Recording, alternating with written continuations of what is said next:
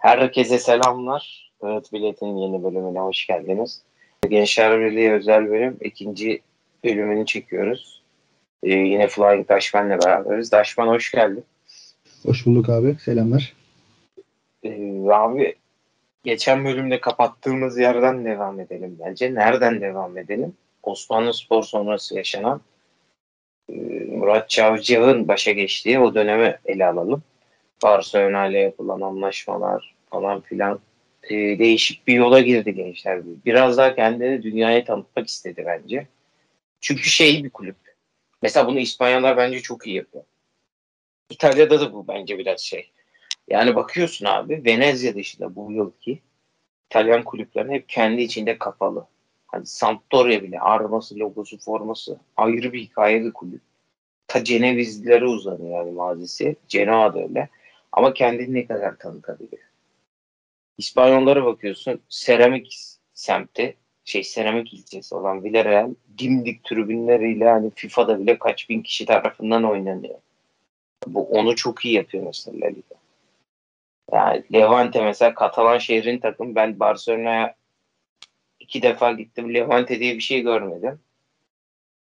Ama adamlar nasıl tanıtıyor hani derbi bile falan filan. Gençler de bence bunu yapmak istedi. Yani Ankara gücünü küçümsemek için söylemiyorum. Ama biz başkent takımıyız. Ayrıyız. Bir hikayemiz var. Cumhuriyette yaşıtız. Dengemiz güzel. Kırmızı siyah bence bir futbol takımının en güzel rengi. Yani Milan'ı sevdiğim için falan demiyorum. Forma yapması çok kolay. Dizayn yapması çok kolay. Gözü hoş gelen bir renk uyumu var. Yani mesela Başakşehir oyundan çok turuncu çok çok kötü bir renk bence. Hayatın her alanında. Bana öyle geliyor yani. Bilmiyorum dizaynlarcıları falan da hani tasarımcılar çok zorlayan bir renk. Ee, Gençler Birliği o yola girdi ama yolun sonu biraz karanlık. Biraz değil bayağı bir karanlık gitti. Buyur abi. Abi e, İlhan Cacav'ın son döneminden bahsetmiştik. Hani o takımın bir şekilde 40-42 puan arası topladığı işte ligi 9. bitirdiği dönem hani bir 10 sene falan biz öyle devam ettik aslında yaklaşık. E, sonra İlhan Cacav ölünce o boşlukla beraber e, ilk oğlu biraz da şans eseri başkan vekili iken e, başkan seçildi. E, rahmetli başkanın son çalıştığı hoca Ümit Özat'tı. Murat Cavcav da onunla devam etti yola. Gerçekten biraz da şaşırtıcı şekilde o sezon Gençler Birliği son dönemin en başarılı senesini geride bıraktı. 8. bitirdi ligi Gençler Birliği o sezon. Ee, 45-46 puan falan da toplamıştı yine o dönem.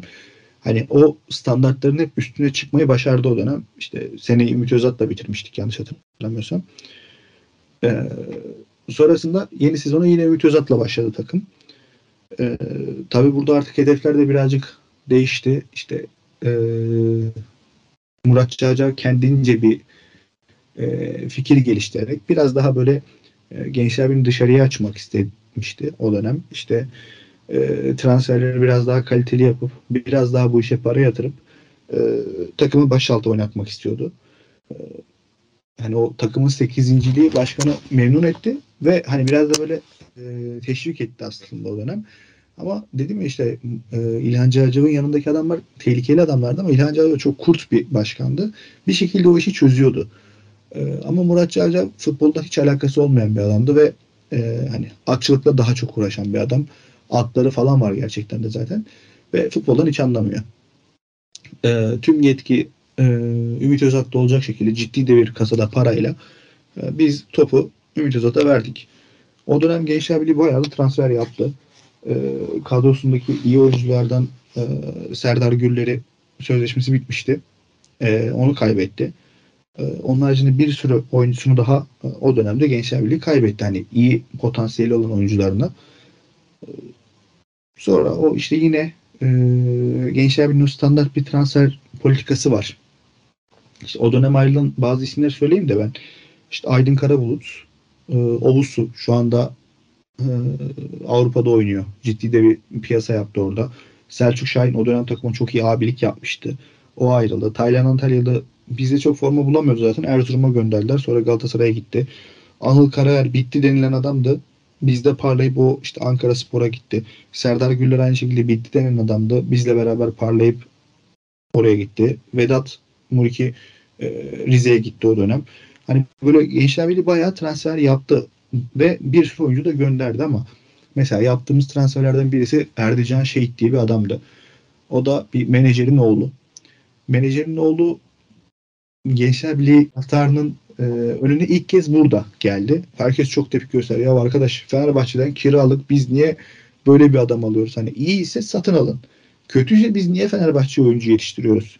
Artı bu adam niye bir menajerin oğlu? Hani biz niye bir menajerin oğlunu oynatıyoruz? Burada başka bir ilişki mi var şeklinde çok ciddi tepkiler e, verilmişti o dönem. Ve bayağı da saçma transferler yaptık. Sonra Gençler Birliği çok kötü gitti. Gerçekten korkunç gitti. Ee, Ümit Özat çok kötü bir performans sergiliyor. O dönem için çok fazla iddialar da vardı. Hani ispat edebileceğim şeyler değil ama işte e, yasa dışı bahis oynadığını söylüyorlardı işte. Çok erken oyuncu değiştirirdi Ümit Özat. Hatalı kadro çıkartıyordu. 20-25. dakikada oyuncu değiştiriyordu. Böyle herkes ne oluyor falan diyoruz böyle. Ondan sonra İstanbul basını ya gördünüz mü işte Ümit Özat hatayı gördü hemen müdahale etti. İşte oyuncuyu değiştirdi falan haberleri çıkıyor İstanbul basınında. Arkadaşları orada hala Ümit Özat övüyor ama hani takım rezil durumda ve küme düşüyoruz hani. E, ciddi de bir korku var. Sonra Ümit Özat gönderildi. E, yerine Mesut Bakkal geldi. Mesut Bakkal dönemi takım çok öyle bir hareketlenme gösteremedi aslında. Ama e, hiç değilse biraz daha kondisyon olarak falan yükseldiğini görüyorduk takımın. Birazcık düzelme eğilimi vardı ama bazı oyuncuların böyle çok ekstra isteksizlikleri göze çarpıyordu. Sonrasında hatta işte Mesut Bakkal tekrar kovulduğunda işte e, hani Ümit Özat tekrar geri geldi göreve ve şey dediler yani işte Ümit Özat oyuncuların bazılarına işte e, ben geri geleceğim hiçbiriniz oynamayın oynayan adamı yakarım falan dediği iddia edilmişti o dönem. Ee, öyle oldu böyle oldu. Orasını bilemeyeceğim, ispat edemeyeceğim şeyler ama sonrasında Gençler Birliği için e, gerçekten sonun başlangıcı devam etti ve e, biz sona geldik orada açıkçası. E, küme düştük. Herkes büyük bir yıkıma uğradı. 39 yıl sonra Gençler Birliği küme düştü. Süper Lig'de en uzun süre yer alan takımlardan birisiydi Gençler Birliği. Ebedi puan cetvelinde ilk 7-8'de yer alan bir takım. İşte en uzun süre Süper Lig'de yer alan takımlardan birisi. Hani böyle çok hikayesiyle, e, geçmişiyle örnek gösterilebilecek sistemiyle oturmuş bir takımdı ama bir anda böyle o Ümit Özat'ın o dönemiyle beraber babasının mirasını yiyen Murat Çağca tam bir miras yediği sıfatını karşılayacak şekilde çok korkunç bir performans gösterdi. Biz alt lige düştük. Ee, herkes çok karamsar. İşte ne olacak sonumuz? İşte batıyor muyuz? İşte çünkü hiç görmedi taraftar. Yıllarca hiç kimse doğru düzgün alt lig görmedi. 40 senedir düşmemiş takım sonuçta. Hani herkes bir şaşırdı ne olacak acaba falan diye. Hatta bizimle o sene Kara, e, Karabük'le beraber düştük. O sene düştüğümüzde herkes işte standart düşen takımların şampiyonluk açıklaması olur ya. E, Karabük e, sonucu olarak küme düştü o sene. Biz ikinci olarak Süper Lig'e yükselmeyi başardık. E, gerçekten de acı dolu bir sezondu. E, ama e, birinci ligin şifresi olan bence doğru kadro yapılanmasını o sene kurmuştuk biz. Tecrübeli oyunculardan oluşan bir kadro kurmuştuk. Çok da aşağıda beklemedik. Murat Çağcı'nın ilk kez düzelme eğilimleri gösterdiği sezon aslında o sezon. Lan acaba bu adam doğru işleri yapmayı öğrendi mi? Çünkü ikinci Ümit Özat dönemi çok ciddi tepki göstermiş. Ya bu adam bizi batırdı zaten. Niye tekrar bu adamı getirdiniz falan gibi böyle çok ciddi tepki vardı başkana. Ee, gerçekten insanların inanılmaz derecede öfkesini çeken bir şeydi. Ümit Özat o dönem işte bu takım düşerse ben diplomamı yırtarımlar falan diyordu. Böyle hani taraftarla kavga ediyor bilmem ne yapıyor. Ee, ciddi de bir e, sorun yaşıyorduk o dönem. İşte e, süreç geçti biz küme düştük. E, yapacak bir şey yok. Alt ligden e, devam ettik ama orada işte doğruları yapmaya başladık. O işte ideal kadroyu kurduk. Doğru kadroyu, tecrübeli kadroyu kurduk. E, sonrasında e, Süper Lig'e geri yükseldik. Ama e, burada da işte menajerlerin kucağına düşmüş olduk birazcık. E, tamamen Murat Çağca artık o iş bilmezliğiyle kulübü menajerlerin eline bırakmış oldu. O kara gümrüğü, şey, kara büyü yiyen adamlar gençler birliğini yemeye başladı. E, kasasında ciddi miktarda parası olan kulüp e, Süper Lig'e çıktı ama çok ciddi de para harcayarak çıktı birincilikten. E, sonra o bahsettiğim işte Barcelona ile anlaşmalar yapıldı. İşte karşılıklı tanıtım ve e, altyapı geliştirme anlaşması yapmıştık o dönem. Sonra Barcelona'dan bir oyuncu aldık. Ve Gençler Birliği taraftarının ikinci kez bir menajerin oğlunun transfer olduğunu gördü. Tabii ki hani yetenekle transfer olduğun zaman hiç kimsenin buna itiraz olmaz. Hiç kimse buna karşı çıkmaz ama burada iş biraz daha ikili ilişkiler ve ticari ilişkilere dönmeye başlamıştı. Çünkü e, Mike van Beynen diye bir oyuncu. Babası bir Türk, annesi Hollandalı. E, Frankie de Jong'un yanında eşantiyon olarak Barcelona'ya transfer olmuştu adam. Oradan da Gençler Birliği'ne genç, geldi. Gençler Birliği'nde sadece bir maç yanlış hatırlamıyorsam Sivas deplasmanında oynamıştı. Bir maçta son bir maçın sonunda oyuna girdi. Bir dakika oynadı. Bir tane isabetli ortası vardı o sene. E, tüm kariyer istatistiği Gençler Birliği için bu kadardı. Ve hani böyle e, kulübe yakın çevrelerin falan aklıyla böyle antrenmanda koyduğun zaman antrenmanı bozan seviyede kalitesiz bir oyuncudan bahsediyorlar. E, ciddi de bir e, bizim için kazık olmuş oldu aslında orada. E, Gençler Birliği o dönem çok korkunç paralara oyuncular getirdi. İşte düştüğümüz ilk sezondan bahsediyorum aslında. İşte Diallo Guidele diye bir adam gelmişti. Bizde bir buçuk milyon, bir milyon euroya falan oynadı. E, aylık 100 bin euroya falan tekabül ediyor yani. E, sonrasında bu adam gitti. Bir de şeyi falan var tabii öncesinde peşinat alıyor bilmem ne yapıyor. Sonra gitti bu adam Elazığ'a 3-4 bin euroya imza attı falan böyle. E, saçma sapan bir sürü oyuncu doldurduk kadroya ve biz o kadroyla düştük. İşte Elvis Monu vardı mesela. Adam bizle küme düştü. Gitti. E, Akisar'a gitti bizden. Akisar'la küme düştü. Oradan gitti bir Hollanda takımına mı Çin takımına mı ne gitti. Orada bir daha küme düştü herif falan böyle hani e, ciddi anlamda hatalı transferler zinciriyle alt lige gittik. Alt ligde doğru işleri... El, Elvis Monu bu dediğin istatistik Bileçiz Report'a güzel. Araya girdiğinde çok komik bir şey var ya. Bileçiz Report'un tweetini görmüş. Elvis Monu ile alakalı. Ya gerçekten çok enteresan bir iş yani. Üst üste 3-4 sezon adam küme düştü yani hani istesen yapamazsın böyle istatistiği ya. Nasıl yaptın? Bir de o kadar umursamaz bir adam ki böyle hiç e, sallamıyor da böyle hani takım küme düşüyor. Herkes acı çekiyor. Adam Life is Beautiful diye Instagram'dan paylaşımlar falan yapıyordu böyle. Çok enteresan bir adam. Hiç şey yapmadı. Sahiplenmedi takımda öyle. Ve hani öyle bir şeyde küme düştük biz. Aslında birazcık orada hazır mirasın bir kısmını orada yedik. Bir kısmında birincilikteydik ve Süper Lig'e çıktığımızda tekrar aslında e, takım maddi anlamda tükenmişti. Yani sıfır seviyesindeydik aslında. Hani borç yok. Evet evet yani kar da yok. Süper Lig'e son çıkan Gençler Birliği'ni hatırlıyorum da gerçekten çok belliydi o takımın parası olmadı. Bence bu seneki Altay'da biraz. Hani Evet yani e, aslında bir takımın şöyle transferlerine bakınca anlıyoruz. Yani Gençler Birliği'nin 15 tane transferi olur her sene normalde. O sezon mesela Gençler Birliği'nin öyle çok fazla bir transfer olmadı sezon başında. Bir de bizim şöyle bir belamız var. Mustafa Kaplan. Adam bir şekilde kapıdan kovuyorsun bacadan giriyor. Bacadan kovuyorsun kapıdan geliyor. Bir şekilde Gençler Birliği Ankara gücü Hacettepe. Gençler Birliği Ankara gücü Hacettepe. Kariyerinde sadece bir Giresun var. Sanki vatani görevini yapmaya gitmiş gibi bir Giresun'a gitmiş. Gelmiş. Hep Ankara'da çalışmış adam. Korkunç bir ya. Hani futboldan şöyle anlıyor. İşte bunu buraya koyarsam ofansif oynarız. Bunu buraya koyarsam defansif oynarız. Hani Soner 8 numara oynarsa takım defansif oynar. 10 numara oynarsa ofansif oynar deyip Soner sen bugün 10 numaraya geç. Soner sen bugün 8 numaraya geç falan diyen bir adam hani böyle. Berat'a o Trabzon'a giden Berat'a sen futbolcu değilsin falan deyip küfreden adam yani. Baya berbat bir herif. O adama kadro kurdurduk biz. O dönem böyle saçma bir kadro kurduk. Ve hani e, kadroyu Mustafa Kaplan'a kurdurduk. Öncesinde böyle bir sürü iyi hocanın adı geçiyor. Bir şeyler oluyor böyle hani insanlar umut ediyorlar hani şu adam iyi hoca, bu adam iyi hoca, bu gelirse biz bir şeyler yaparız falan. Sonra dediler ki işte Mustafa Kaplan geçen sene Ankara Gücü'yle iyi performans gösterdi. Biz de Mustafa Hoca'ya güveniyoruz. Camiamızın da evladı. Yıllarca da geldi buraya. Ee, çalıştı. Gel geldi. Git dediğimizde gitti. Biz Mustafa Kaplan'la devam edeceğiz.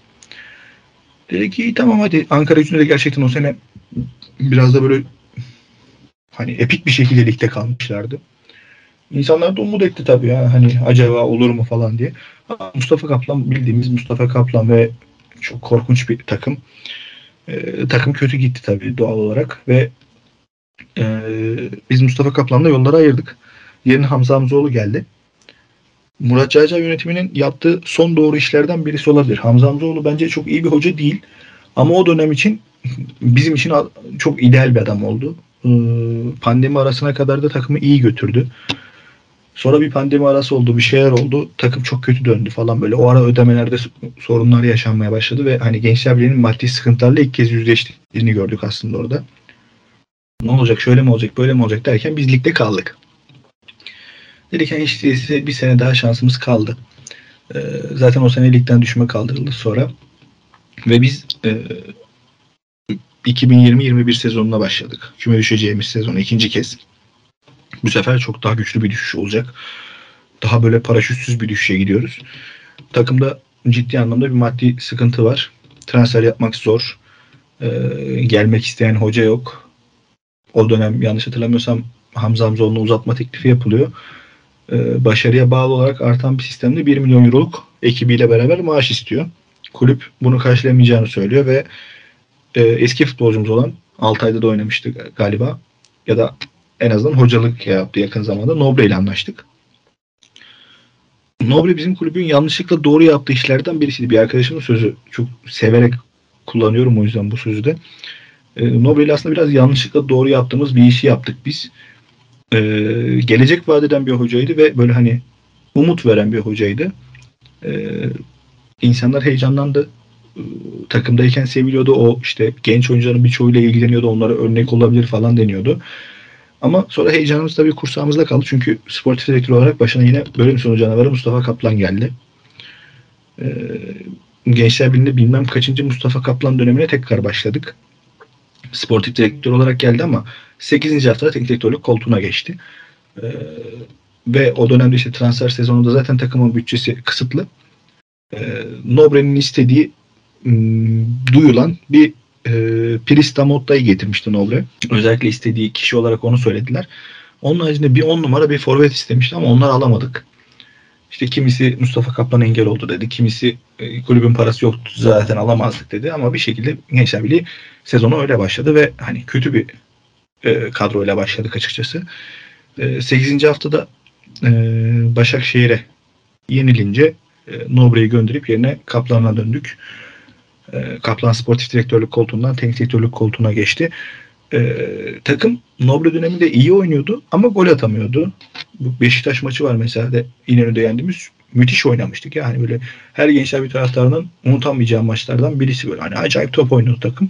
Ama e, hani o maçı kazandık ama yine de takım sonuçta küme düşme hattında acil müdahale gerekiyor diyerek e, Nobre'yi gönderdiler. Kaplan'ı göreve getirdiler. E, Kaplan bir dönem başarılı olsa da e, sonuç olarak başarısız oldu. E, aslında geçen sezon hemen hemen bu tarihlerde benzer şeyleri yaşadık Gençler Birliği olarak. E, Mustafa Kaplan bir maç sonrasında şöyle bir açıklama yaptı. Dedi ki Gençler Birliği transfer yapmazsa ben istifa edeceğim. yakın zamanda Metin Diyedin. Bundan yaklaşık olarak bir yıl sekiz gün sonra falan oldu aynı açıklama. Birebir aynı açıklamayı yaptı. E, Mustafa Kaplan transfer istedi. istediği transferleri yaptılar. O dönem e, kulübe yeni bir sportif direktör geldi. Cem Onuk diye. Eski bir sportif direktörümüz. E, kulübün o şaşalı dönemlerinde de görev almış bir isim. İnsanların umutla yaklaştığı, hani işte ise bu adam biliyordur birazcık diye düşündüğü bir adamdı. Hala başkan. Tabii Murat Çağcı bu dönemde. E, ama işte gerek maddi yetersizlikler gerekse e, birazcık iş bilmezlikler e, biraz kötü niyet e, takımın yine kötü transferler yapmasına sebep oldu. Abi zaten Berat'tan gelen paranın hiç kullanılamadığı bir gençler birliği görüyoruz. Haksız mıyım? Doğrudur. Yani o para Hatta, nereye gitti hiç kimse bilmiyor. O para şuraya gitti. Sezon başında trans ve hani o oyuncu maaşları ve transferler için ödenecek parayı Murat Çayacı'nın kendisi verdiği söylendi. Sonra da o parayı e, Cavcav kendi koyduğu parayı çekme olarak düşünerek e, bir kısmını çektiği bir kısmını transfere ayırdı söylediler. Ama sonuç olarak o Berat'tan gelen parayı çok da bir görmedik dediğin gibi aslında Gençler Birliği'nde. Ligin ikinci yarısı başladığında e, Mustafa Kaplan transferlere rağmen iki haftada maçı kaybedince tekrar görevden ayrıldı. Sonra bütün camianın eski futbolculardan yani bizim Gençler Birliği biraz böyle aile yapısı üzerinden ilerleyen bir kulüp e, bilgilerinin kolay kolay çıkmadığı bir kulüp. Yetiştirdiği evlatlarına dönüp dolaşıp tekrar giden bir kulüp. E, Mehmet Altıparmak da biraz da bu etkiyle geldi. Cem Onuk dönemi. e, aslında hemen hemen bütün taraftarın üstünde birleştiği bir adamdı. İşte Altlıkların başarılı hocası olarak geldi Mehmet Altıparmak. Hani Gençler ligde tutacak umut olarak o görüldü ve takımın başına getirildi. E, Mehmet Altıparmak döneminde 6 haftada biz galip yanlış hatırlamıyorsam 6 hafta durmuş takım başında. Hiç galibiyet alamadık. E, bazı korkunç maçlar çıkardık. Mesela bir Antep deplasmanı var. Öne geçtik. Rakip 10 kişi kaldı. 2-1 yenildik. E, şu an takımın stoperini e, görevini sürdüren Arda Kızıldağ'ın bir hatalı pasıyla bir anda iş tersine döndü. E, güllük gülistanlık olan maç bir anda döndü. 1-1 oldu. Adamlar bastı. 2-1 yaptılar. Lan neye uğradığımızı şaşırdık derken yenildik. Ee, ve sonrasında da zaten galibiyet alamadık bir süre daha. Artık herkesin tamam ya Gençler Birliği küme düştü hesabı yaptığı bir dönemdi. Ki benim o dönem bir hesabım vardı. Hani Gençler Birliği o döneme kadar aldığı o, o sezon bütün galibiyetlerden daha fazla galibiyet alması gerekiyordu ki kalan maçlarda ligde kalabilsin. Yani, yani Gençler Birliği artık küme düştü. Biz bu sezonu kaybettik artık. Sonra Özcan Bizzati geldi. Neredeyse bir mucize imza atıyordu. Önce ilk hafta e, Fenerbahçe'yi deplasmanda yendik. Bu arada Gençler Birliği'nin şöyle de bir olay var. Genelde küme düştüğü sezonlarda 3 e, İstanbul takımını mutlaka ya da şampiyonluğa oynayan takımlara mutlaka bir zorluk çıkartmış. İşte puan almış. E, dördünden de olmasa bile en azından üçünden. Bazen dördünden de puan almış. Öyle bir şey de vardı. O sezonda gerçekten öyle oldu. Sadece e, birisini puan alamadık galiba. Trabzonspor'u yenemedik diye hatırlıyorum ama yanlış da hatırlıyor olabilirim. E, Gençler Birliği e, Özcan Bizzat ile neredeyse mucize imza atacak olsa da son haftaya kadar taşıdığı umutlarını son hafta Trabzon deplasmanında kaybedip e, küme düştü. Artık e, gençler bir taraftan çok da alışkın olmadığı bir sistemde küme düştük. Kasamızda paramız yoktu. Transfer yasağı vardı. E, oyuncuların ciddi bir kısmının sözleşmesi bitmiş. Neredeyse takımın yarısı boşalmıştı. E, kalan oyuncuların da gitmek istediğini biliyorduk aslında ve hani birçok oyuncuya da alacak falan var böyle. E, borç var. Ciddi bir problem. E, o dönemde Gençler Birliği bir seçime gitti. Aslında o seçim bile neredeyse başlı başına bir bölümü olabilecek kadar uzun bir şey. Böyle bayağı gitmeli gelmeli bir süreç oldu. İşte e, Murat Cağca'dan önceki başkan vekili Niyazi Aktaş ilk olarak e, taraftarın ortak adayı oldu aslında. Ama ilk adaylığını açıklayan e, Arda Çakmak oldu. Murat Cağca yönetimini ilk muhalefet eden isim olarak e, başkanlığa adaylığını açıkladı. Sonrasında Niyazi Aktaş adaylığını açıklayınca Arda Çakmak birazcık geri çekildi. Sonra e, birazcık Ankara basının karşılıklı e, haberleriyle iki tarafta yıpratıldı ve bir dönem e, yani seçime 2-3 gün kala Gençler Birliği'nde başkan adayı kalmadı. İki aday da birden çekildi. Yani olay bir anda bir kavgaya dönüştü orada. E, o ona bunu dedi oldu, bu buna bunu dedi oldu. İki aday da birden e, adaylıktan çekildiler ve hani e, ne oluyoruz ya acaba hani Gençler Birliği'ne kayyum mu atanacak falan diye hesaplar başladı. İnsanlar baya baya hani onu araştırdı. O dönem öğrendik ki olağanüstü kongreye gittiğin zaman kayyum atanmıyormuş kulübe. Eski yönetim devam ediyormuş. Hani o kadar kötü durumdayız. Ve hani bu takımın başkanı seçilecek. Transferler yapılacak. Yasak kaldırılacak. Çünkü takım boşalmış. Hani bir şeyler yapmanız lazım.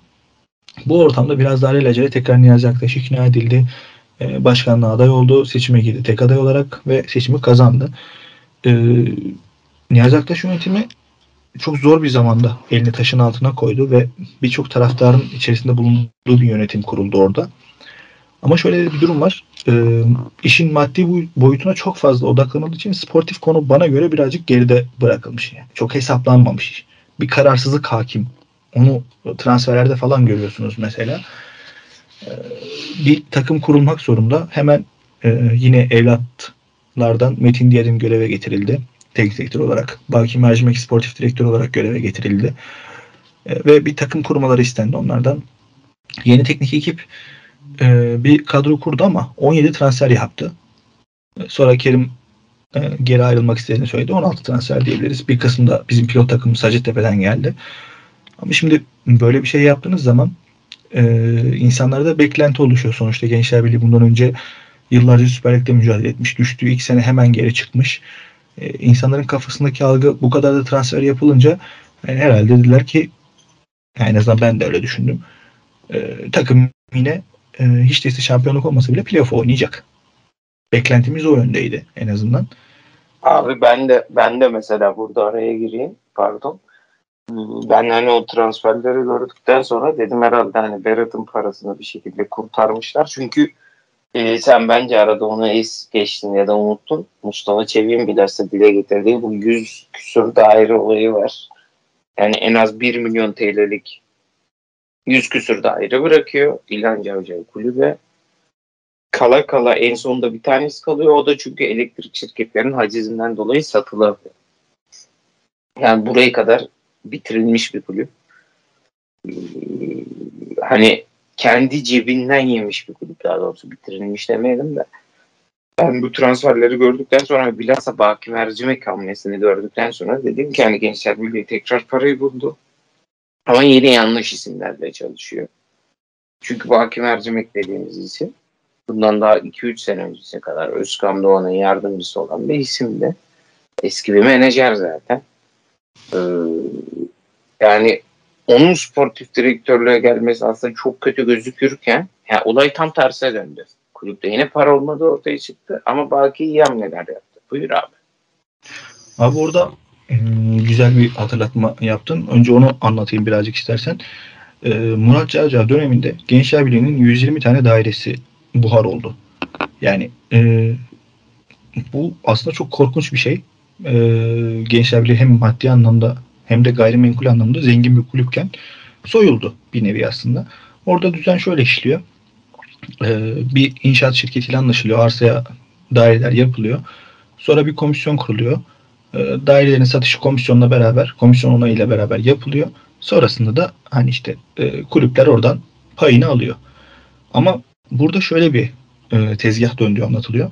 Şimdi sen e, komisyondaki kişiyi bağlarsan eğer e, buradaki işlerin biraz daha e, kolay ilerletmesini sağlayabiliyorsun. Mesela 1 milyon lira değerindeki daireyi orada e, şirketin bağlısı olan bir sekretere 200 bin liraya satarsanız yarı yarıya paydan Gençler Birliği 500 bin lira para alacağı yere 100 e, bin lira para alıyor.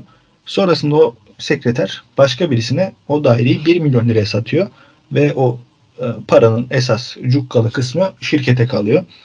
E, bu hülle işlerine de e, normalde komisyonun kontrol etmesi lazım ama komisyon da burada işin içine girince e, gençler bile oradan e, ciddi anlamda bir zarara uğruyor. E, şu anda da bununla alakalı davaların halen devam ettiğini biliyorum. E, gençler bile o dairelerini almaya çalışıyor. O dönem Mustafa Çevik'in iddiası bu işleri yapan kişilerden birisinin Arif Ölmez oldu. Arif Ölmez de şu an Gençler Birliği'nde halen başkan vekili. Ve sık sık da e, Gençler Birliği'nde de muhalefetin e, hedefindeki isim olarak hep e, yer alıyor yani. Hani hakkındaki iddialara karşı herhangi bir ispatlayabileceğim benim elimde bir belge yok. Muhalefet bunlardan net olarak onun suçlu olduğunu, birçok transferin altında imzasının olduğunu, dolayısıyla her şeyden haberdar olduğunu ve bu kulübün soyulmasına göz yumduğunu söylüyor. Ee, Arif Ölmez de bu şekilde olmadığını, o imza, o şeylerin, sözleşmelerin tek imza olmadığını falan anlatıyor. Ee, ama sonuç olarak e, Gençler Birliği çok ciddi bir o dönemden e, maddi anlamda zarara uğrayarak çıkıyor. O halde gelince şimdi e, herkesin kafasındaki düşünce hani Gençler Birliği transfer yapamayacak. Altyapıdaki çocuklarla beraber böyle bir kadro kuracağız. 5-6 tane en fazla transfer yapacağız. Böyle hani ligin abisi diyebileceğimiz isimlerden. Onları takıma katıp işte onlara abilik yaptırtıp çocuklara parlatıp satacağız, borç ödeyeceğiz. Öyle bir düşünce vardı ama 17 transfer olunca herkes ha demek ki işte iyi kötü parayı buldu bizimkiler. Playoff yapacağız hesabı başladı. Ama işler öyle olmadı. Özellikle ilk 4 maç bizim için çok korkunç geçti. Yani e, korku filmi gibiydi yani. Başka bir şekilde anlatamıyorum. E, ilk hafta içeride Eyüp Spor'a yenildik. E, kötü bir oyuna yenildik. Sonra Adana Spor karşısında dünyanın en sıkıcı maçına çıktık. Berabere bitti maç. Sonra 3. hafta burada Manisa'ya karşı yenildik ve ben e, gençler bir taraftarlarından bir kez daha bu konuda hani artık insanların isyan etmeye başladığını gördüm o gün. Baya böyle e, koltuklara vurularak ses çıkartmalı, homurdanmaların çıktığı, işte Diyadin'in istifaya çağrıldığı bir e, dönem geçirdik orada. takımın arkasında durdu. Hocanın arkasında durdu Niyazi Aktaş. E, göndermediler. Değişiklik yapılmadı. Devam ettik aynı ekip. Ankara gücü maçından önce bir şok daha yaşadık. Yani Ankara derbisine zaten herkes önem verir. Yani sonuçta derbi ama e, Gençler Birliği 3 tane kadro dışı kararıyla bir anda şok oldu. Gençler Birliği'nin soyanların başında gelen Erdem Karagöl'ün 3 oyuncusu Ankara gücü maçından hemen önce kadro dışı bırakıldı. Ee, Ankara gücü maçına Gençler bir çok garip bir kadroyla çıktı falan böyle hani e, muhtemelen hiç forma bulamaz dediğimiz işte Furkan Şekerler, Muhammed Bayırlar falan 11 başladı böyle. E, çok garip bir kadroydu. Çok aciz bir oyun oynadık. 2-0 yenildik. Artık hani böyle her şey e, değişti. O sezon başındaki acaba playoff yapar mıyız? Acaba şampiyonluğa oynar mıyız düşüncesi. Acaba takım ligde kalabilir miye döndü. Yani o taraftarın kafasındaki yıkım çok korkunç oldu. Orada böyle hani e, bizim içimizden gelen arkadaşların yönettiği, işte gençler birliklerin yönettiği gençler birlik küme düşecek galiba. İşte biz bu işin vebalini nasıl alacağız, nasıl yükleneceğiz falan gibi böyle e, ciddi sorunlar oldu ama sonra bir iç sahada Altın Ordu maçı var. 1-0 yenik duruma düşmemize rağmen 3-2 kazandık. Sonra işler birazcık düzelir gibi oldu bu ligde. Ee, sonra Samsun'la berabere kaldık. Üst üste 3 hafta kazandık. Sonra milli araya girdik. Hani 2 hafta kazandık sonra milli araya girdik. Böyle bir insanlar e, şey yaptı hani tamam ya hani biz gene playoff'u hedefleriz. İlk 4 hafta takım uyum falan hani o hikayeden dolayı iyi değildi. Topladık. E, bundan sonra iyi gideriz hesabı yapıyorduk ama işler öyle dönmedi. Ee, biraz da şansa son dakika Dimitro'nun böyle 35-40 metreden vurup Kaleci Korcan'ın elinden kaçırdığı bir golle Kocaeli'yi yensekti. Sonra biz 3 hafta üst üste kaybettik. Bu süreçte şunu da söylemek lazım. Bütün sezon boyunca hakemler tarafından böyle ekstra bir doğranan Gençler Birliği vardı. Hep böyle en tecrübesiz hakemler Gençler Birliği maçlarına atandı falan böyle. Ee, yani bununla alakalı e, Gençler Birliği haber ajansı var. Onların bir haberi vardı. E, birincilikte maçları yönetilen en düşük yaş ortalaması olan hakem anlamında takımlardan biri Gençler Birliği. Mesela Ankara Gücü'ne, Erzurumspor'a hep tecrübeli hakemler atanırken Gençler Birliği hep böyle e, ilk birincilik maçı, işte ikinci birincilik maçı, beşinci birincilik maçı böyle yaş anlamında da tecrübesiz hakemler atandı. Bazıları çok korkunç kararlar verdi. Yani böyle inanılmaz maçlar katletti. Ve zaten sen genç bir takımsın. Gençler Birliği Ligi'nin en genç ikinci takımı şu anda. Böyle genç takımların oyundan düşmesi biraz daha kolay oluyor. O bizim pilot takımımızda da çok karşılaştık. Geçen sene onlar küme düştüğünde de bunu çok fazla gördük. Hani genç takım çok çabuk demoralize olup maçtan kopabiliyor. Ve Gençler Birliği'nde onlar çok fazla oldu. Manisa maçı mesela 1-0 yenik durumdaydık. Takım fena değildi aslında. Toplamaya başlamıştık. Alakasız bir penaltı çalındı. Sonra bir anda maçtan koptuk. Maç 3-0 bitti ama hani Manisa biraz istese 8-9 olurdu o maç. Ankara gücü maçı o ka- kaosla başladık zaten. 2-0 oldu ama hani Ankara gücü birazcık daha istekli olsa, biraz daha istese belki tarihi fark atabilirlerdi o gün bize. Hani o kafalardan çıkıp da Altın Ordu maçını kazanmak çok camiye moral anlamda destek oldu ama sonra o rüyada işte İstanbul Spor maçına kadar gitti. O gün ilk kez Ömer Faruk Turtay'la tanıştık. Ee, ilk birincilik maçını yönetti Gençler Birliği, e, Gençler Birliği maçıyla İstanbul Spor maçıyla. Çok korkunç bir maç yönetti. Ee, Gençler Birliği zaten kötü oynamıştı o maçta biliyorsun hakem performans ekleyince kaybettik. Sonra takım o yine saçma şeye e, tekrar büründü onu sezon başındaki ne yaptığını bilmez hale. Sonra üst üste 3 maç kaybettik. E, yine insanların acaba küme mi düşüyoruz? İşte ligde kalabilecek miyiz? Playoff iptal artık. Hani hayaller geçti. Bizim usta bizim hayalleri siyah torbaya koy falan hesabına geldi tekrar. E, artık böyle şey kısmı Usta bizim hayalleri siyah torbaya koy dedin ya. Çok şey gibi söyledin. ya orada çünkü öyle hissediyorsun yani hani kafandaki gençler birliği böyle hani playoff yapsın. Hani tamam şampiyonluk olmasın da playoff yaparız. 17 transfer yaptık. E, Barış Alıcılar falan geldi takıma yani. Hani o kadar kötü de bir kadromuz yok. E, playoff yaparız. Abi yok ama bu yılki birincilik birincilik tarihi belki en iyi sezonlarından biri ya. Abi Manisa Fekkan'ın halini görürsün. Ben Manisa Fekkan zıplar diyordum ya. Yana oynar diyordum. Onlar bile sarhoş gibi takılıyor yani. Yani ligin yarısı şampiyonluk hedefliyordu sezon başında. Yani öyle lig mi olur? Balıkesir dışında düşecek takım yok ha. öyle gerçekten öyle. Karanta düşecek takım değişiyor. İnsanların çok böyle e, hani yine de Gençler Birliği'nin markası kazanır diye düşündüğümüz bir ortamda büyük bir şoka uğradığı dönem. Hani o ikinci üç maçlık mağlubiyet serisi artık hani bir şeylerin olmayacağını düşündüğümüz bir dönem. Artık devrenin bitmesine 6 maç kalmış. Ben şey hatırlıyorum. Twitter'dan bir anket yapmıştım. İşte kaç puan alırız falan diye. Ciddi ciddi 0 puan alacağımızı düşünen insanlar var böyle. Hani en fazla Menemen maçından 1 puan maçta. falan. Gerçekten puan alamayacağımızı düşünüyor ve hani bu mağlubiyet serisinin artık hep böyle devam edeceğini, devre arası transfer yaparsak anca öyle toparlayabileceğimizi, işte Dialin gitmezse bu takımın mümkün değil bir şey yapamayacağını falan düşünüyoruz böyle. Hani hep tepkiler o yönde.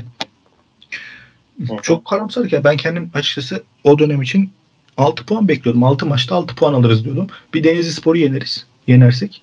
Bir de Menemen'i yenersek yeneriz diyordum. Bursa Spor maçı içinde böyle çok ortadaydım. Ya beraberlik ya Bursa Spor falan diyordum. O arada Bursa Spor bizim o işte geçen sene neredeyse mucizeyi imza atacak. Özcan bizzat ile anlaştı o, o dönem. Özcan Hoca gelecek. Onun da ekstra motive olacağını düşünüyoruz. Yani Bursa bizi yener. Zaten onlar da ciddi anlamda bütçe harcayarak bir kadro kurdular. Ee, hani kafa... Bursa tam çıkış istiyordu yani. Çıkış bekliyor sürekli. Bugün gelinen süreci öte hani sürekli şey çıkış size bir vurur ondan sonra çıkar gider. Çok net hatırlıyorum yorumlar evet. Şey, herkesin şey o artık hani böyle o kadar karamsarız ki yani tamam dördüncü maçı da üst üste kaybedeceğiz. Sonra Bandırma zaten çok iyi takım ona yeniliriz. Denizli Spor bizim en iyi dönemimizde yenemediğimiz takım. Onlara da yeniliriz. İşte Erzurumspor zaten şampiyonluk hedefli. Onlara yeniliriz. Menemen bizim dengimiz takım. Onlarla berabere kalırız. Belki kazanırız. İşte üstüne Ümraniye var. Zaten zirve mücadelesi veriyor. Onlara yeniliriz. Biz eyvah bittik. Yani o kafadaydık artık hani böyle öyle düşünüyorduk. Ama Gençler Birliği Bursa maçında çok iyi bir oyun oynadı. Ve 2-0 kazandı. İyi çalışmışız rakibe. Ee, Metin Diyeri'nin ilk bence büyük zaferlerinden birisi o maç. Ee, denk bir takımdı bence bize göre ve iyi bir oyunda kazandık. Bursa çok kötüydü. Bursa için de aslında biraz çok çok, çok kötüydü. Ben o maçı hatırlıyorum. Çok tanınmayacak halde. Yani Bursa'nın artık hani, tavuta son çivinin çakıldığı maçlardan birisi olabilir o maç yani hani e, Bursa adına. Sonra biz Bandırma deplasmanına gittik. Ee, çok basit bir penaltı çalındı. Yani topa müdahaleydi. Keremcan biraz savruk bir oyuncu. Topa müdahale etti ama hakem penaltı verdi. İtiraz mı itiraz ediyorsun ama hani fayda da etmiyor. Var falan yok zaten ligde. E, penaltıyı kaleci kurtardı. Übeyt. Ondan sonra o takım... Übeyt Reis. Übeyt Reis'in yeri çok ayrı. Oradan o rüzgarlı takımın maçı aldı. Evet. Bandırmayı yendik. Üstüne yıllardır yenemediğimiz Denizli'yi yendik. Takımda tekrar artık hedef şeye döndü. Hani tamam Gençler Birliği playoff garanti şampiyonluk düşünür müyüz? Hani taraftarın kafası artık salça oldu. Yani bir oraya gidiyorsun, bir oraya gidiyorsun, bir oraya gidiyorsun, bir oraya gidiyorsun. Ee, Erzurumspor maçı var hani böyle artık hedef maç, 6 puanlık maç. Alırsam playoff garanti şampiyonluk potasını zorlarız. Alamazsak hani beraberlikte playoff'u düşünürüz. Yoksa yenilirsek hani orta sıra tekrar düşünülebilir hesabı yapıyorduk. Yenildik. Kötü de oynadık. Ee, ilk yarısında fena değildik. İkinci yarı bayağı kötüydük gerçi. Yani yenildik ama. Sonra geldik burada Menemen'e 5 attık. Ee, sonra gittik Ümraniye'ye yine o Ömer Faruk Turtay yönetiminde berbat bir yönetimde yine e, yine kaybettik. Ümraniye zaten ligde neredeyse her maçı bir penaltıyla başlıyor. Bizim maçta da bir tane penaltı aldılar. Çok da hafif bir penaltıydı. Hani rüzgarından düştü adam. Oo, her maça bir penaltı. Abi sen yürüyen scouting takımı e, yani Recep Uçar Hoca'yı ayrı bir yere koyuyorum. E, ama şey, yürüyen scout takımı belediye desteği olmayan arkasında milyonları götüren on numara bir stadı olan Ümraniye için nasıl böyle cümleler kurarsın? Dutchman'cı mı ya? Sen hayırdır ya Hollanda falan filan yani. Sen Ümraniye'mizin başarısını mı kıskanıyorsun Dutchman? Büyük Ümraniye Spor Camiası'nı karşıma almak pahasına. Abi ne övüldü bu takım ulan. Neyse hadi bir şey demeyeceğim ya. Yani arkada direkt bir belediye var ya. Bu kadar aleni olmaz bu iş. 1 liraya bilet satılıyor. Yine 1500 kişi var statta. Geçene abi bu işler ya. İkinci Kasımpaşa vakası ya. Yani hoca ve futbolculara gerçekten saygım sonsuz. Ama takıma saygı duymuyorum açıkçası. Ve bu sene de net bir şekilde kayrıldığını düşünüyorum. Yani hani Ankara gücüyle karşılaştırıyorum mesela. Hemşehrilerimizin maçlarına bakıyorum. Yani her maça bir Ankara gücü topra toprağın, toprağın altından çıkıyor puanları ya. Kimse beklemiyordu bu Ankara gücünün bu kadar puan toplayacağını. Açık konuşalım yani. Yani, ben Eren Derdiyok'un geldiği günü çürütmüyorum. Millet dedi ki hani Ankara gücü bitmiş. Çaresizlikten Eren'e getiriyor. Ya benim genel yorumum şeydi. Ben Eren Derdiyok'u hiç beğenmiyorum. Helva gibi olmuş herif. Bu adamdan topçu olmaz demiştim ama beni yanıldı. ben genel olarak Ankara gücünün kadrosunu o 18-19 Gençler Birliği kadrosuna benzetiyorum. O çok tecrübeli kadro. Hani Ahmet İlhanların olduğu kadro gibi. Hani ne yapar eder? 1-0 alır, skora yatar diye düşündüğüm takımdı. Aslında hemen hemen de onu oynuyor. Yani onu oynuyor. Zaten oynayacak başka bir şey yok ya. Yani duran top Erdem Özgenç'e veriyorlar. Erdem orta alıyor. Biri gol atıyor stoperlerden. Eren atıyor ya da hani takım bir şekilde kazanıyor. 1-0'ın üstüne de iyi yatıyorlar. Ve kazanıyorlar sonuçta. Kazanan haklıdır. Yani taraftarı çok kızıyor Mustafa Dalcı'ya falan ama yani Abi Mustafa Dalcı da harbi şey değil ya. Yani nasıl diyeyim? Hep aynı takımda abi yani bu takım bu kadar da biraz rotasyon yaptı hoca. Yani çok takip etmediğim için ona bir şey diyemem ama e, bu lig böyle bir lig. Hani tecrübeli oyuncuları sahaya atıyorsun. Onlar bir şekilde maçı kazanıyor. E, sana 3 puanı getiriyor. Sen de eyvallah deyip devam ediyorsun yoluna. Eğer genç kadron varsa böyle işte 3 maç kazanıyorsun, 4 maç kaybediyorsun, 4 maç kazanıyorsun, 2 maç kaybediyorsun falan böyle hani galibiyet ve mağlubiyetler serisi şeklinde ilerliyor lig daha çok.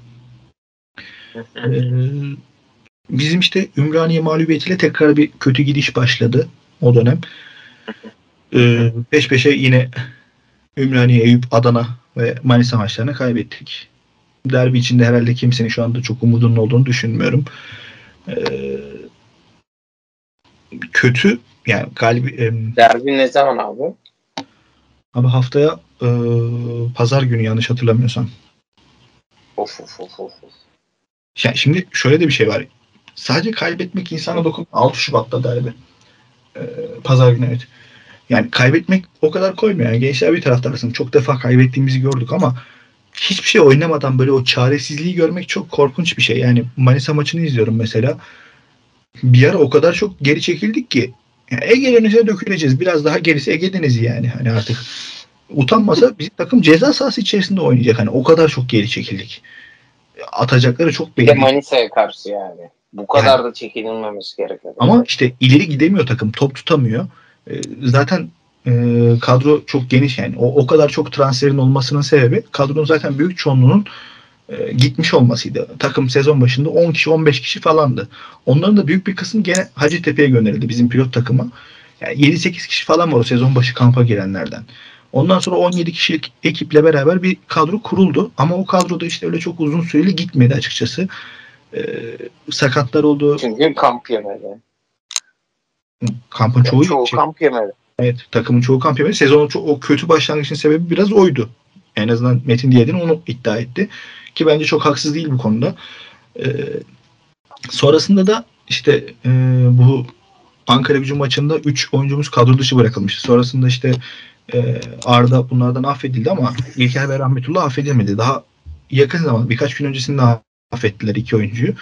Yani sen zaten dar kadronu daha da daraltmış oldun. Üstüne sakatlıklar oldu. İşte verim alınamayan oyuncular oldu. Keremcan ayrılmak istedi. Takımdan ayrıldı şu anda. E, Aksel ve Lualua ameliyat oldu hani Metin Hoca'nın yerinde olmak istemem şu anda. Çünkü elindeki kadro zaten dar bir kadroydu. Çok daha daraldı böyle.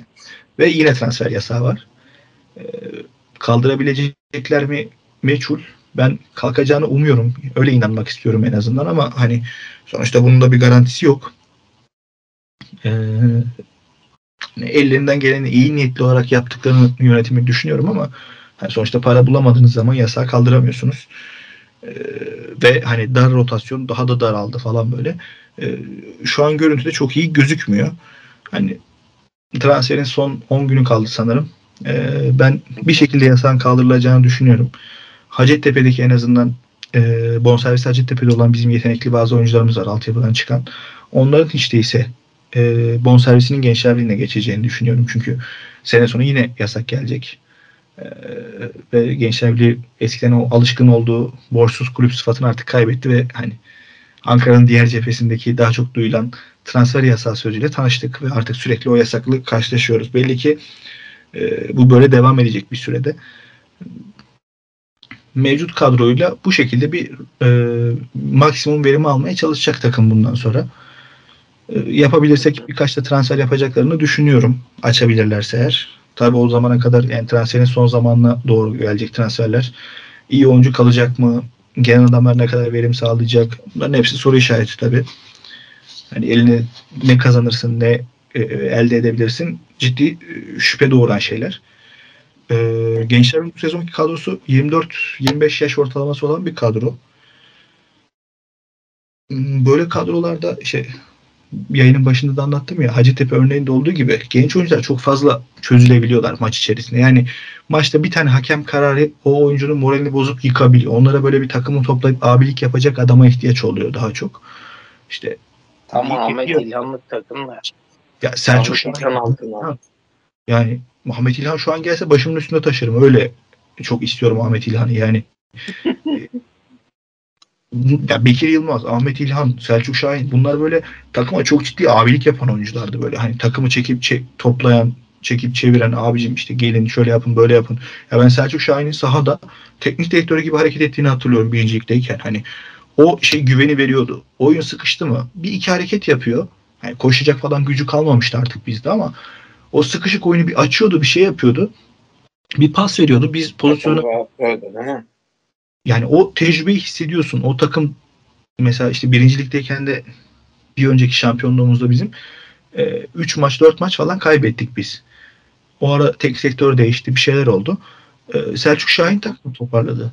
Takımı toplayıp e, o dönem etçilerden birine götürmüştü.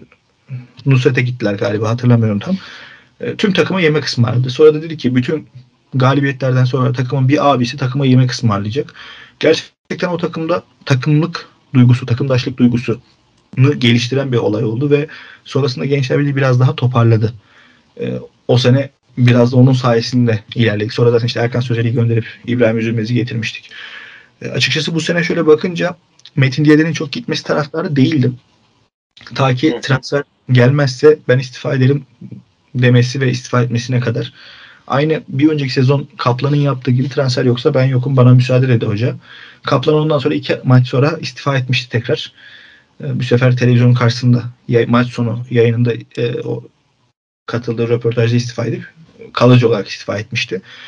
Ee, Metin Diyet'in de açıkçası hani öyle bir şey bekliyorum. Eğer kötü gidiş devam eder hele bir de transfer yasağını kaldıramazsak ya da transferler olur da hani öyle çok iş yapabilecek bir oyuncu gelmezse Ankara gücü Altın Ordu maçlarının kaybedildiği durumda ben Altın Ordu maçının sonunda yine Diyadin'in istifa edeceğini düşünüyorum açıkçası.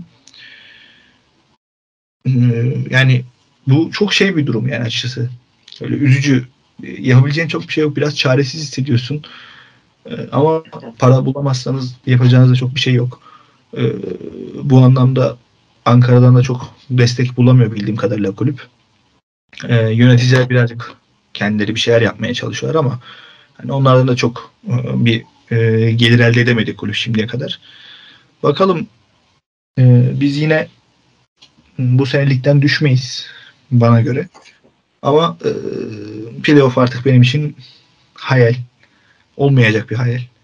E, hiç değilse e, bazı oyuncularımızı parlatıp satabilirsek sene sonu yasak kaldırma anlamında bir şeyler yapabiliriz diye düşünüyorum. E, yine kulübe en şaşalı dönemlerinde yerleşen e, elindeki oyuncuların çok çok büyük bir kısmını kulübe veren e, menajer Erdem Karagül'ün e, üç tane oyuncusu var takımda. Sözleşmesini yenilemedi. Ki onlardan birisi Arda Kızıldağ. E, belki takımın şu an en çok para edecek oyuncusudur. E, büyük ihtimalle onu kaybedeceğiz sene sonunda bedavaya. E, devre arası satılmazsa eğer. Şu ana kadar da çok ciddi bir teklif yok anladığım kadarıyla. E, çok parlak durmuyor gençler için durumlar. Sene sonu geçen sene olağanüstü kongreyle seçildiği için bir yıllık göreve gelmişti e, yönetim. E, yeni bir olağan genel kurul olacak. 3 e, yıllık seçilecek başkan. E, ben Niyazi Aktaş'ın devam edeceğini düşünüyorum. E, muhalif aday Arda Çakmak'ın da bu kez aday olabileceğini düşünüyorum. Bundan önce 2-3 kez vazgeçmişti adaylarına koyup. E, hani iki adaylı bir seçim yıllar sonra Gençler Birliği görebilir. E, sonrası biraz daha e, bu sefer artık biraz daha ayaklarını yere basan bir takım kurulacağını düşünüyorum. Yani e, geçen sezon kurulduğunda takım o kararsızlığı hissediyordunuz. Yani işte e, aynı o benim anlatırken sürekli işte taraftar şampiyonluk mu, playoff mu, küme mi düşeceğiz korkusunu sürekli yaşadı. O sürekli git gellerin yaşadı. 3 hafta kaybedince küme mi düşeceğiz? 3 hafta kazanınca şampiyon mu olacağız? E, düşüncelerinin uçuştuğu ortam aslında kulüpte de birazcık var. Yani işte bir yandan e, Barış Alıcı'yı getiriyorsunuz. Aksel geliyor. İşte Eleke'yi transfer ediyorsunuz yabancı forvet olarak. İşte Lua Lua var. Shibola var. İşte şampiyonşip görmüş adamlar sonuçta bunlar da. Hani kötü tercihler değil baktığın zaman kağıt üstünde. Hani insanları umutlandırıyor ama öbür taraftan da bakıyorsunuz sağ bek 7 olarak işte Furkan Şeker'i getiriyorsunuz fiyatı uygun diye. İşte Muhammed Bayır'ı getiriyorsunuz sol beke. Ee, yani Keremcan bizde sezon başı geldiğinde çok fazla mesela eleştirilmişti. Yani Samsun Spor nasıl gönderdi? Biz niye bu adamı alıyoruz abi? Hani bu adamın ne başarısı var da niye geliyor Gençler Birliği'ne? İşte bu takımın sol bekinde işte birkaç sene önce Alper Uludağ oynuyordu. Ee, işte hiç değilse hiç kimseyi tutamıyorsanız Halil İbrahim'i tutsaydınız. Bizim altyapımızdan çıkmıştı. Şimdi Antep'e gitti. Hani e, bu kadar mı kötü kadro kurarsınız falan filan diyorlardı. Ama sonra gördük ki o Keremcan takıma abilik yaptı. E bu sefer devre arası Keremcan dedi ki ben gideceğim. Adam çekti gitti Kocaeli'ye. Evet. Yani bundan sonrasında e, takıma abilik yapacak bir oyuncu çıkar mı böyle hani sahiplenip böyle o takımı toplar mı orasını bilemiyorum. Ona en çok Kerem yapıyordu benim gördüğüm. Eğer e, transferi açabilirse Gençler Birliği'nin en büyük transferi o şekilde abi transferi olur yapabilirsek. E, ve umarım yapabiliriz. E, artık dediğim gibi playoff'un çok bence olur yanı kalmadı gibi. Ama bu birincilik. Burada çok saçma şeyler görebilirsiniz. Yani işte Tuzla Spor Galatasaray 6-2 yendi yani. Ee, burada böyle garip sonuçlar da alabiliyorsunuz. Yani şurada 12 maç üst üste kaybetmese bir takım 12 maç üst üste kazansa şaşırmazsın. Biz bir önceki düştüğümüzde e, haftalarca hiç kaybetmedik. Sürekli kazandık. E, ilk mağlubiyetimizi 14. haftada mı 15. haftada mı ne almıştık o sene işte. E, öyle bir şeyde hani e, ligde oynuyorsunuz ki ona öyle bir fantastik başlangıca rağmen aşağıdan Denizli mesela 18 maçlık seri yapıp gelmiş. Hatay sene sonuna doğru 18-19 maçlık seri yapmıştı mesela böyle işte. Hani böyle şeyler görülüyor. Ee, geçen senelerde de. Abi o neydi ya? Bu sezon zaten neydi ya? Mutsuz bucaksız. Osmanlı bile neler yaptı. Osmanlı Esköy'ün Osmanlısı. o sezon işte bir Karabük erken havlu attı. Onun haricinde kimse böyle bir hani pes ettik, havlu attık, bıraktık, saldık demedi. Hep böyle yaldır yaldır top oynadı herkes. Herkes son ana kadar şansını kovaladı. Ee, bu sene de herhalde Balıkesir erken havlu attı. Ee, büyük ihtimalle toparlayabileceklerini düşünmüyorum. Ama geri kalan her yine aynı o kovalamayı yapacak yani hani e, bu sezon başında ben şöyle bir baktım kadro takımlara. Yani şuradaki takımların en az yarısı şampiyonluğa oynamak istiyor. Yani hani düşünce şu an küme düşme hattında olsa da Bursa, Denizli hani yasağı kaldıktan sonra çok kötü oyuncular almadılar bana göre. Ee, Kocaeli bayağı para yatırdı o işe. Keçiören gibi bir önceki sezon iyi kadrosu vardı. Biraz dağıttılar. Sezon başı onun sıkıntısını yaşadı ama topladılar gene. Şu an bizim üstümüzdeler. Manisa çok para yatırdı. Samsun zaten belliydi. İşte hani e, Eyüp'ün kurulu kadrosu vardı. Ankara gücü Erzurum iyi transferler yaptı. Ümraniye zaten hani hayvan gibi destek alan takım. Ee, işte Bandırma gerçekten çok doğru transferler yapıp iyi yönetilen kulüp. Birkaç sene içerisinde Hatay gibi bir şekilde Süper Lig'e çıkacaklardır diye düşünüyorum. Hani öyle bir yere girdiğin zaman e, açıkçası şöyle bir transferlere falan bakınca aslında çok da yeterli transferler yapmadık ama maddi açıdan düşünerek hep transferler yapıldı. E, sezon başında bir Ankara basınından e, Metin Erdem'in de galiba bir yazısı vardı. Şey diyor işte hayırlı olsun ziyaretine geliyorlar Baki ile Metin Diyadin'e. E, transfer planları asılmış. E, işte orada şeyler var. İşte tahtalara işte alınacak oyuncular, satılacak oyuncular falan filan yazıyor. Gençler Birliği transfer listesinin ilk sırasında İshak Çakmak yazıyor orta sahaya. Oo. Ee, ne kadar düşük yani aslında. Yani Metin Erdem de Ankara güçlüdür ve hani Ankara gücüyle bana yakın bir adam. Ankara gücünün de listesinde İshak Çakmak ve hani Ankara gücünün listesinde dördüncü, beşinci sıralarda falan o. O dönemde. Ya görüyor hocam İshak ilk sıranızdan listenizin Ankara gücünü dörtte beşte falan.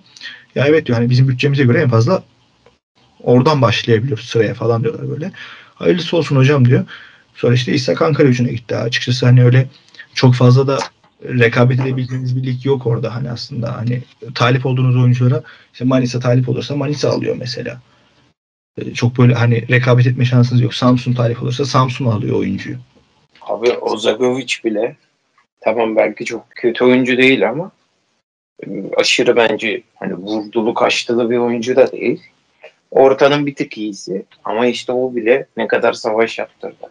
Bursa aldı bir Samsun bir şeyler bir şeyler en son Manisa.